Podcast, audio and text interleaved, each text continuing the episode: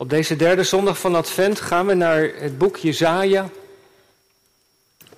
En lezen we uit de profetie die hij ontvangen heeft en opgeschreven, hoofdstuk 25, en zingen daarna een gebed om de komst van de Heere God, Psalm 43, vers 3 en 5. Jezaja 25 is het woord dat vanmorgen centraal staat. En daar lezen we. Heere, u bent mijn God. Ik zal u roemen, uw naam loof ik, want u hebt wonderen gedaan. Uw raadsbesluiten zijn van oudsher vast en zeker. U hebt van de stad een steenhoop gemaakt, van de versterkte stad een ruïne. Het gaat over de vijanden. Van de vesting van de vreemde, van de vreemde legers, iets wat geen stad mag heten. Ze zal in eeuwigheid niet herbouwd worden. En daarom zal een sterk volk u eren. De stad van gewelddadige volken, die zal u vrezen, want u bent voor de geringe een vesting geweest. Een vesting voor de armen in nood. Een toevlucht tegen de vloed. Een schaduw tegen de hitte. Want het razen van geweldplegers is een vloed tegen een muur. Als de hitte in een dorre streek zult u het gedruis van de vreemde onderdrukken. Als de hitte door de schaduw van een dikke wolk zal het gezang van de geweldplegers worden gedempt. Het zijn donkere tijden dus in Israël als deze profetie klinkt. En dan gaat het over de toekomst. De Heere van de legermachten zal op deze berg voor alle volken een feestmaal met uitgelezen gerechten aanrichten. Een feestmaal met gerijpte wijnen, met uitgelezen gerechten vol merg, met gezuiverde gerijpte wijnen. En hij zal op deze berg verslinden de sluier, waarmee het gezicht van alle volken omsluierd is, de bedekking, waarmee alle naties bedekt zijn. Hij zal de dood voor altijd verslinden. En de Heere Heere zal de tranen van alle gezichten afwissen. De smaad van zijn volk wegnemen van heel de aarde. Want de Heere heeft gesproken. Op die dag zal men zeggen, zie, dit is onze God. Wij hebben hem verwacht. Hij zal ons verlossen. Dit is de Heere. We hebben hem verwacht. We zullen ons verheugen, verblijden in zijn hel. Want de hand van de Heere zal rusten op deze berg. Maar Moab zal onder hem worden vertrapt, zoals stro vertrapt wordt in de mest. Hij zal zijn handen te midden van hem uitspreiden, zoals een zwemmer ze uitspreidt om te zwemmen. En hij zal zijn hoogmoed vernederen, ondanks zijn listige handelingen. Hij zal uw hoge vestingmuren neerhalen, neerwerpen, neerstorten ter aarde tot in het stof. Tot zover het profetische woord, de eerste schriftlezing. Zingen wij nu Psalm 43. Tweede schriftlezing, enkele versen uit de toespraak van de Heer Jezus. Daar zegt hij, broeders en zusters, u zult horen van oorlogen en geruchten van oorlogen. Pas op, word niet verschrikt, want al deze dingen moeten gebeuren, maar dit is nog niet het einde. Het ene volk zal tegen het andere volk opstaan, het ene koninkrijk tegen het andere. Er zullen hongersnoden zijn, besmettelijke ziekten aardbevingen in verschillende plaatsen. Maar dat zijn nog maar het begin van de weeën. Dan zullen zij u overleveren aan verdrukking, u doden. U zult door alle volken gehaat worden omwille van mijn naam. En er zullen velen struikelen. Ze zullen elkaar overleveren en elkaar haten. Er zullen veel valse profeten opstaan die zullen velen misleiden. Doordat de wetteloosheid zal toenemen, zal de liefde van velen verkillen. Maar wie volharden zal tot het einde, die zal zalig worden. En dit evangelie van het koninkrijk zal in heel de wereld gepredikt worden, tot een getuigenis voor alle volken. En dan, dan zal het einde komen. Tot zover het woord van onze heiland. Zalig zijn was ze dit woord niet alleen horen, maar het ook bewaarden en ook naar leven. En als ik uit, uit de profetie van Jezaja 1 vers zou moeten onderstrepen, dan is dat wel vers 9. Op die dag zal men zeggen, zie, dit is onze God. Wij hebben hem verwacht. En hij zal ons verlossen. En thema voor de verkondiging, belofte van heil in een donkere tijd. Het is misschien voor velen van ons wel even schakelen naar die intensieve dagen van de winterver. Dat er zo door de profeet Jesaja worden meegenomen naar de tijd van toen. Het is een hele donkere tijd. En vandaar ook het thema, belofte van heil in een donkere tijd. Gemeente van Christus, u hier in de kerk, thuis met ons verbonden. Ik zie haar nog staan met haar bloemetjesjurk. Zeven jaar oud was ze en ze had aan mevrouw Corine gevraagd waar ze Engels kon leren. Lezen en schrijven kon ze nog niet. En ze was met haar moeder en de rest van haar gezin gevlucht vanuit Venezuela. En nu leefde ze in Medellin op de straat. Ze wilde naar de VS reizen in de hoop daar asiel te krijgen en een hoopvolle toekomst op te bouwen. De rugzak, de bukkie, het hondje, alle spullen die ze bij zich hadden. En we zagen haar op de laatste zondag in Colombia. Na de kerkdienst waren we naar buiten gegaan met een paar broeders en zusters uit de gemeente om brood uit te delen en chocolademelk. Want de wijk rond de kerk zit vol met mensen van de straat. Ze leven daar op de straat. Je kunt er met de auto niet doorheen. Drugsverslaafde, prostituees, mensen die daar wandelen, die daar lopen, die daar op straat leven. Vies, schamelijk kleren, onder de littekens van de injecties, holle ogen verslaafd en alles grijpen ze aan om te overleven. En de rij die zich vormde bij het uitdelen stond ook dat gezin, stond ook dat meisje. Rode ogen had ze, want ze had de hele nacht op straat geleefd en niet kunnen slapen. Weet je waar ik Engels kan leren? En we dachten, wat kan er van nou worden? Want de tocht van Colombia naar, naar de VS via Panama is heel erg gevaarlijk. Velen halen het niet. En ze waren niet goed voorbereid. Wat zou Jezus doen als hij door de straten van Medellin liep of zou lopen? Die vraag gaat steeds door onze gedachten. Wat vraagt God van ons hier op deze plek? Wat is de hoop die het evangelie biedt voor, voor al deze mensen? Of denk aan die moeder in Soudaan. Haar man is doodgeschoten, ze moet voor de kinderen zorgen. Of die Palestijnse christen in de Gazastrook, die moet leven onder de terreur van Hamas. Is er hoop voor al deze mensen? Zullen dingen ooit anders worden? Met die vraag in mijn achterhoofd was ik bezig met de preek van vanmorgen, deze derde advent. En ik weet, we hoeven helemaal niet zo ver weg te gaan. Ook in Gouda zijn er vluchtelingen neergestreken als je hun verhalen hoort schrijnend. En misschien nog wel dichterbij in uw of jouw leven. Gaan de dingen niet zoals, ze, zoals je graag zou willen? je werk niet, die gezondheid, je relatie. Het kan zomaar van alles zijn dat er aan je levensboom geschud is. En, en, en dan komt ook altijd de vraag op, Heere God, hoe, hoe kan dit, hoe zit dit en waar, waar bent u, hoe bent u bij mijn leven verbonden? Je bent op zoek naar perspectief. Je hoopt dat dingen anders worden. Nou, dat is die realiteit. Vanmorgen die profetie van Jezaja. Ik zei het al, het is in een donkere tijd. Maar het is wel een heel bijzonder lied. Als je je Bijbel bij je hebt, kun je dat ook zien. Er valt uit twee coupletten uiteen. De versen 1 tot en 5. Het is een danklied. Het eerste vijf versen heel persoonlijk. U bent mijn God, ik zal u roemen. Hier spreekt een individu. En de versen 6 tot en met 12 is gemeenschappelijk. Men zal zeggen, wij hebben hem verwacht. Daar spreekt het volk. En we staan stil bij de inhoud van dit lied van morgen. Het is een donkere tijd. En dan kom je achter als je de hoofdstukken rond deze profetie leest, 24 tot en met 27. Wat was er gebeurd? God had zijn beschermende handen van zijn volk afgehaald. Want in plaats van hem te luisteren, luisteren, was het volk achter andere goden aangegaan, de goden van de volk in het bijzonder. En die beelden waren zelfs in de tempel terechtgekomen. God had een plek kunnen leven, maar aan de marge, maar voor welvaart, voor vruchtbaarheid, voor voorspoed, was daar Baal, was er Asherah, Astarte, de goden van Canaan.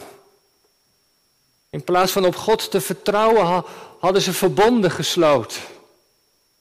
Met Assyrië in de strijd tegen Syrië, later met het volk Egypte. Maar in deze hoofdstukken blijkt dat het allemaal niets heeft opgeleverd. Integendeel, wie de levende God verlaat, heeft smart op smart te vrezen. En dan schrijft of dan, dan ontvangt Jezaja deze profetie. Als het land overspoeld is door de wereldmacht van de Assyriërs. Het noordelijke deel van het land is ingenomen, de legen staan tot aan Jeruzalem. Generaal Sanherib die, die, die, drukt door. Vermoedelijk de tijd van koning Hiskia. Net daarvoor had hij de troon beklommen, hij was koning geworden. En al even eerder in Jesaja, die, die adventsprofetie, Jesaja 9, hè, dan gaat het over dat drukkende juk, over die stampende soldatenlaarzen, over die mantel met bloed. Dat is de realiteit waar tegen deze profetie klinkt. Moet je ervoor naar Israël gaan, naar, naar naar Jemen of naar een ander land, maar probeer het ons even voor te stellen. Een tijd van onderdrukking en geweld. De legers staan voor de poort. En in het hoofdstuk erna, Jezaja 26, daar, daar, neemt Jezaja een gebed op van het volk. En moet je even luisteren naar hoe dat klinkt. Dan, het is voor ons wat schakelen, dat realiseer ik me wel, maar probeer ons even, even in te leven in dat gebed. Daar, daar bidt het volk. Heren, in de benauwdheid hebben wij u gezocht. We hebben een fluisterend gebed uitgestort toen uw vermaning over ons kwam. Zoals een zwangere vrouw op het punt stond om te baarden, in één krimpt en uitschreeuwt in haar weeën. Zo waren wij voor uw aangezicht. Heren, wij waren ook zwanger. Wij krompen uiteen, maar wij baarden lucht. We hebben het land geen heil gebracht. Dat is wat het volk bidt. De situatie hulpeloos en tegelijkertijd ook schuldig. In, in, in, dat, in dat gebed is een heel diep besef. Wat er in het land allemaal gebeurt, dat heeft ook met ons te maken. Want wij waren geroepen om licht te verspreiden. Om iets van het koninkrijk van God zichtbaar te maken in de volken. Maar we hebben het niet gedaan. En dat dringt door. Het is duister. Het is ook een besef van schuld. We hebben niet gedaan wat God van ons vroeg. En gemeente, ik kan me soms niet aan de indruk onttrekken dat, dat veel van de ellende vandaag in deze wereld ook het gevolg is of te maken heeft met dat wij als kerk, als gelovigen, zo druk vaak met onszelf zijn. We weten zoveel van het evangelie. We zitten jaren in de kerk. Ik spreek ook voor mezelf, natuurlijk. Maar in hoeverre hebben we echt een verschil gemaakt in de straat waar we wonen, bij de mensen op ons werk, in de ontmoetingen die we hadden. Er waren mensen die geen hoop hadden, een huwelijk lag in duigen, er waren zorgen om deze, om, om, om, om andere dingen. En er was soms ook wel iets van radeloosheid. En Jezus, we geloven dat Hij het antwoord is, maar, maar die boodschap die blijft zo makkelijk bij onszelf. Is dat ook niet iets van die schuld die wij meedragen? Ja, ik spreek even voor mezelf, maar daar worstelde ik wel mee. Als het zout niet uit het vaatje gaat, zegt Jezus, wat voor nut heeft het dan? Nou, dat is het besef wat Israël heeft op dat moment. Dat het, om zo te zeggen, steken heeft laten vallen. En dat nog niet duidelijk is hoe het dan anders moet. En de situatie is nog ernstiger omdat volken die zijn binnengevallen ook zeer gewelddadig zijn. En in deze hoofdstukken lees je dat de Heere God daarop terugkomt en de volken ter verantwoording roept. En zo bidt Israël. Wij waren zwanger. Maar wat hebben wij voortgebracht? Lucht, leegte. We hebben geroepen, Heere God, zo bidden, tot u, we hebben u gezocht, maar en dan opeens, hoe kan het? Is daar die ommekeer? Als mensen de bodem raken, als het volk de bodem raakt, is die verlegenheid opeens gelegenheid voor de Heere God om te gaan spreken en te gaan handelen. En nu gaat Hij spreken. En hij teelt het volk uit de situatie waarin het zich bevindt door het woord van Jezaja. En wij luisteren vanmorgen mee. Het komt in de vorm van een loflied, een danklied. Het is eigenlijk wel bijzonder. Zou je helemaal niet verwachten. Donkere situatie. En het lied is een loflied, een danklied op de trouw van God. Die zonde, de schuld en, en die gebrokenheid, dat is er allemaal. Maar, zegt God, is er dat maar van God. Maar bij hem heeft dat niet het laatste woord. En dat is even wat, we, wat het evangelie is. Dat is de genade van God. En ik neem jou en u vanmorgen even mee in dat lied, die twee coupletten. dat, die profetie, dat eerste couplet. Ik zou dat van vers 4 willen onderstrepen. Want, want wat, wat zegt de profeet tegen dat volk? De situatie is zeer ingewikkeld. Maar weet je nog wie God is? Jezaja herinnert het volk wie God voor hen is geweest en nog steeds is. Hij zegt, u bent voor de geringe een vesting geweest. Een schuilplaats. U bent voor de armen een, een toevlucht geweest. Een schaduw voor de hitte. Al die beelden drukken iets uit van hoe God voor zijn volk is en ook wil zijn. Toevlucht, vesting. Dat betekent dat je bij Hem veilig bent. Dat het de moeite waard is om Zijn naam aan te roepen, het contact met Hem te zoeken. Hij wil ook niets liever. En dat Hij als antwoord dan, als ze Hem zoeken, dat Hij dan ze beschermt, dat Hij ze dan neemt in de schaduw van Zijn vleugels. Dat Hij ze beschermt tegen de hitte van een moeilijke situatie. Want Hij wil niets liever dan zijn volk dicht hebben bij zijn hart. Later zal de Heer Jezus dat beeld ook gebruiken. Als hij dan in Jeruzalem is, vlak voor zijn lijden en sterven, hij zegt, dan zegt hij, ik heb u als, als een hen haar kuikens bij zich willen nemen. En je hebt misschien die foto gezien van zo'n zo'n hen. En die kuikens allemaal onder die vleugels schuilen. Daar zijn ze geborgen. Zo, zegt Jezus, had ik jullie bij mij willen hebben. Dat is het verlangen van de Heere God. Maar het volk wilde dat niet op dat moment. En hier wordt het aan herinnerd dat God zo voor zijn volk wil zijn. En de vraag natuurlijk is: van willen mensen dan ook wel bij hem schuilen? Willen ze ook dat hij betrokken is bij hun leven? Mag de Heer weten wat we doen? Mag hij ons corrigeren? Mag hij de touwtjes van ons leven in zijn handen nemen? Want hij wil de eerste zijn in ons leven. Niet een zijrol, maar in het centrum van ons leven staan.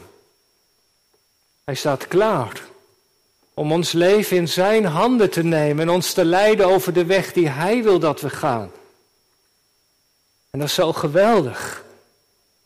Dat is evangelie. En zo mogen we dat ook horen vanmorgen. Zo wil hij voor elk mensenkind zijn in die winterversie zie je al die mensen die kerk binnenkomen. En je denkt bij jezelf, oh Heere God, uw armen staan voor ze open. Wat kan ik voor ze doen? Zij die de Jezus nog niet kennen, hij staat daar. Hij wacht. En dat is ook onze roeping natuurlijk, om, om het goede nieuws niet voor onszelf te houden. Soms, weet je, ik kan je niet helpen. Het probleem is groot, maar ik ken iemand. Hij weet raad. Joh, hier heb je een Bijbelvers, lees het eens. Mag ik voor je bidden? Al die eenvoudige dingen in de ontmoeting. Maar zo wil God voor ons en voor de mensen zijn als die toevlucht, als die schuilplaats. Nou, daar herinnert de profeet Jezaja het volk aan. En dan het tweede couplet. Dat heeft met het nu te maken. Dat is zoals de Heer is. Maar, maar de Heer onthult nog iets.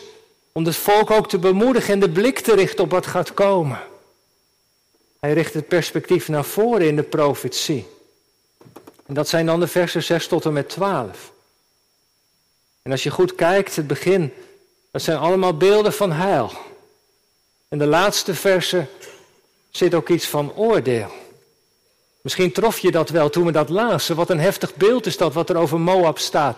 Laat ik daar even bij stilstaan nu, als eerste. Het is een loflied van heil, maar het eindigt met donkere tonen. Waarom? Waarom die aangrijpende woorden over Moab?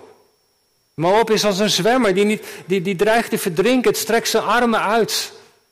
Maar er is geen help, geen hulp. en het gaat verdrinken. Waarom zo heftig? Nou gemeente, dat, dat, dat, dat, dat volk Moab is hier een beeld. Dat staat symbool voor de machten van het kwaad. Het Hebreeuwse woordje voor vijand en Moab, die, die lijken op elkaar wat de klank betreft. En even breng ik u in herinnering, er is volgens mij niet vaak over gepreekt, over de profeet Obadja.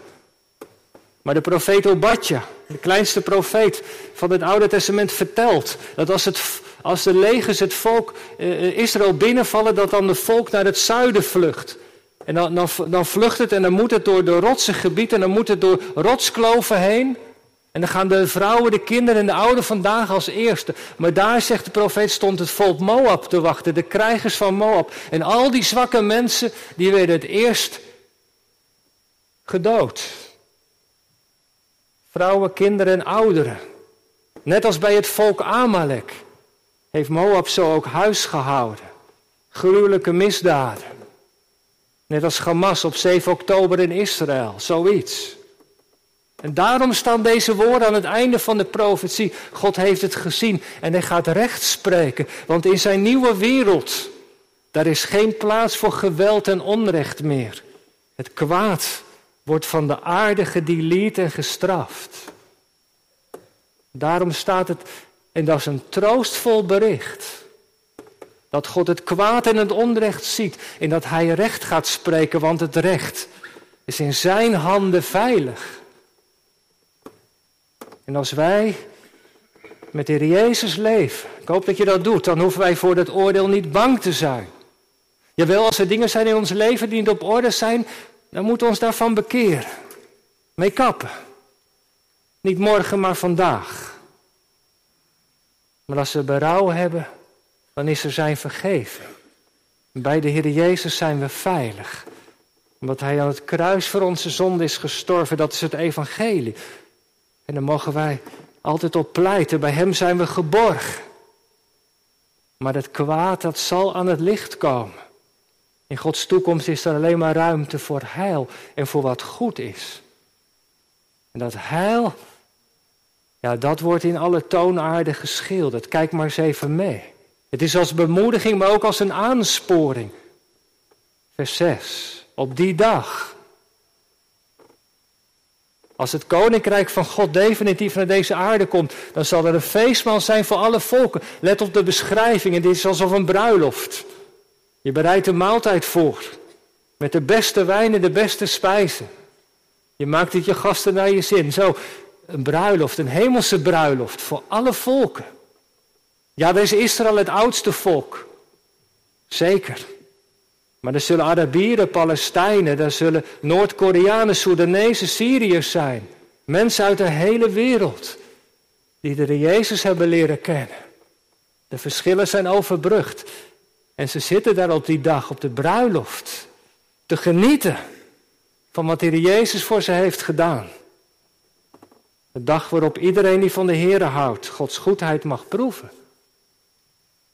Bijzonder toch? En God haalt de sluier weg, de bedekking. In het Oude Oosten, als er periode was van verdriet of rouw, dan gingen de mensen gesluierd. Is koning David als hij op de vlucht moet voor zijn zoon Absalom. Dan gaat hij huilend olijfberg op en dan bedekt hij zijn hoofd met een sluier. Een sluier van rouw, van verdriet, van gemis. Die we soms met ons meedragen, die zal God wegnemen. Ja, heeft een zakdoek in zijn hand. Zal al die tranen uit je ogen wissen. Die tranen zijn in zijn kruik geteld. En de derde, op die dag zal de dood worden vernietigd. De dood, die macht, die invloed heeft in het leven van mensen, die via ziekte ons leven kan binnenkomen. De dood die invloed heeft in het geweld.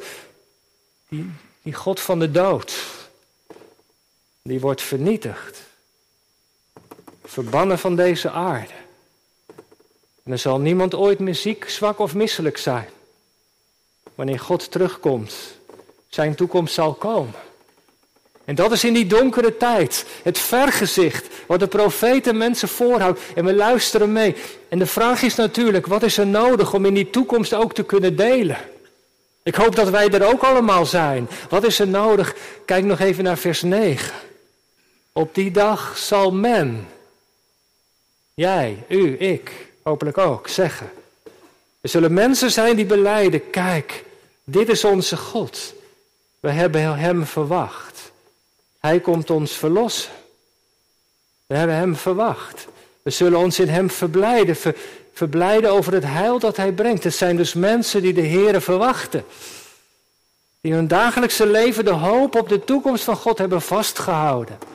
Die hun gebed hebben gebeden. Stilletjes aan tafel, Heere God. Wanneer komt uw koninkrijk? Laat uw koninkrijk komen. En hoe is dat bij jou? Ben je ook iemand die met verwachting leeft? Denk je er wel eens aan om te bidden? Om de toekomst van God, dat die komt. Dat er een einde zal zijn, dat er vrede zal komen, een einde aan de zonde en het onheil. Dat is een gebed. Een uiting van verwachting, van verlangen. Ik hoop dat wij ons daarin ook aansporen om te blijven bidden. Dat God komt en zijn belofte vervult. Net als in het kerstevangelie de oude Simeon en Anna. Ze waren al op leeftijd, maar ze hadden die verwachting levend gehouden. Elke dag keken ze uit het raam wanneer de beloofde Messias zal komen. En het was de Heilige Geest die ze hielp om staande te blijven, om in het woord te spitten en om de hoop levend te houden. Wie dicht leeft bij het woord, die ziet in de dingen die er gebeuren die hoort in de dingen die gebeuren, de voetstappen van de Heer Jezus. Hoor je hem al komen? Laten wij ons oefenen in dit loflied. En samen blijven bidden en zingen. Opdat als hij komt, als hij zijn voet op deze aarde, zeggen wij meeroepen met dat oude profetische woord, zie. Dit is onze God. Heren, wij hebben u verwacht. En Jezus was daar soms bezorgd over. Zoals de zoon des mensen komt, zal hij wel geloof vinden. Zullen wel mensen zijn die hem verwachten? Ik hoop dat er in Gouden heel veel mensen zijn. Wij allemaal die hem verwachten. En dat mogen zingen. Zie, heren, u hebben wij verwacht. En dan komt er een dag dat hij de wereld binnentreedt. En dan zegt hij, zie, hier ben ik. Dat had ik toch beloofd. Dan komt hij om ons te verlossen. En dan mogen wij onze heiland in geloof omhelzen. Wat een perspectief. Nog één ding, daar eindig ik mee. Als God komt, waar zet hij zijn voeten? Zacharia zegt op de Olijfberg hier, in Jezaja staat drie keer op deze berg, op deze berg, op deze berg. De berg van de tempel, waar de Al-Aqsa-moskee nu staat. De rotskoepel. Op die berg, daar waar oorlog is in het land. Daar waar mensen naar elkaar leven staan, leven staan, daar zet God zijn voeten. Op die berg zal het gebeuren. En er zullen mensen zijn die zeggen wij, verheug ons in uw heil. Het Hebreeuwse woord voor heil, u weet het. Yeshua is de naam van Jezus. En dat is het geheim. Hij is het die twee volken samenbrengt. Zo stond boven een interview met een Joodse en Palestijnse voorganger. Zonder Yeshua zijn we verloren perspectief van de profeet wijst ons naar de Jezus. In Hem is redding. Hij alleen kan deze wereld verlossen. Laten we naar Hem uitzien in deze dagen van Advent. Laten wij bidden om Zijn komst. Want wij mogen leven in verwachting. Heidenen, Joden, Palestijnen. Iedereen die de Jezus lief krijgt, die mag delen in die toekomst. Op die dag zullen we zeggen, toch? Dit is, dit is onze God. Ja, Heer in Gouden, wij hebben u verwacht. Dank u dat u bent gekomen, eindelijk. We prijzen u voor de verlossing die u brengt. En wij verblijden ons in de Heer Jezus. Toch? Mag het zo zijn? Amen.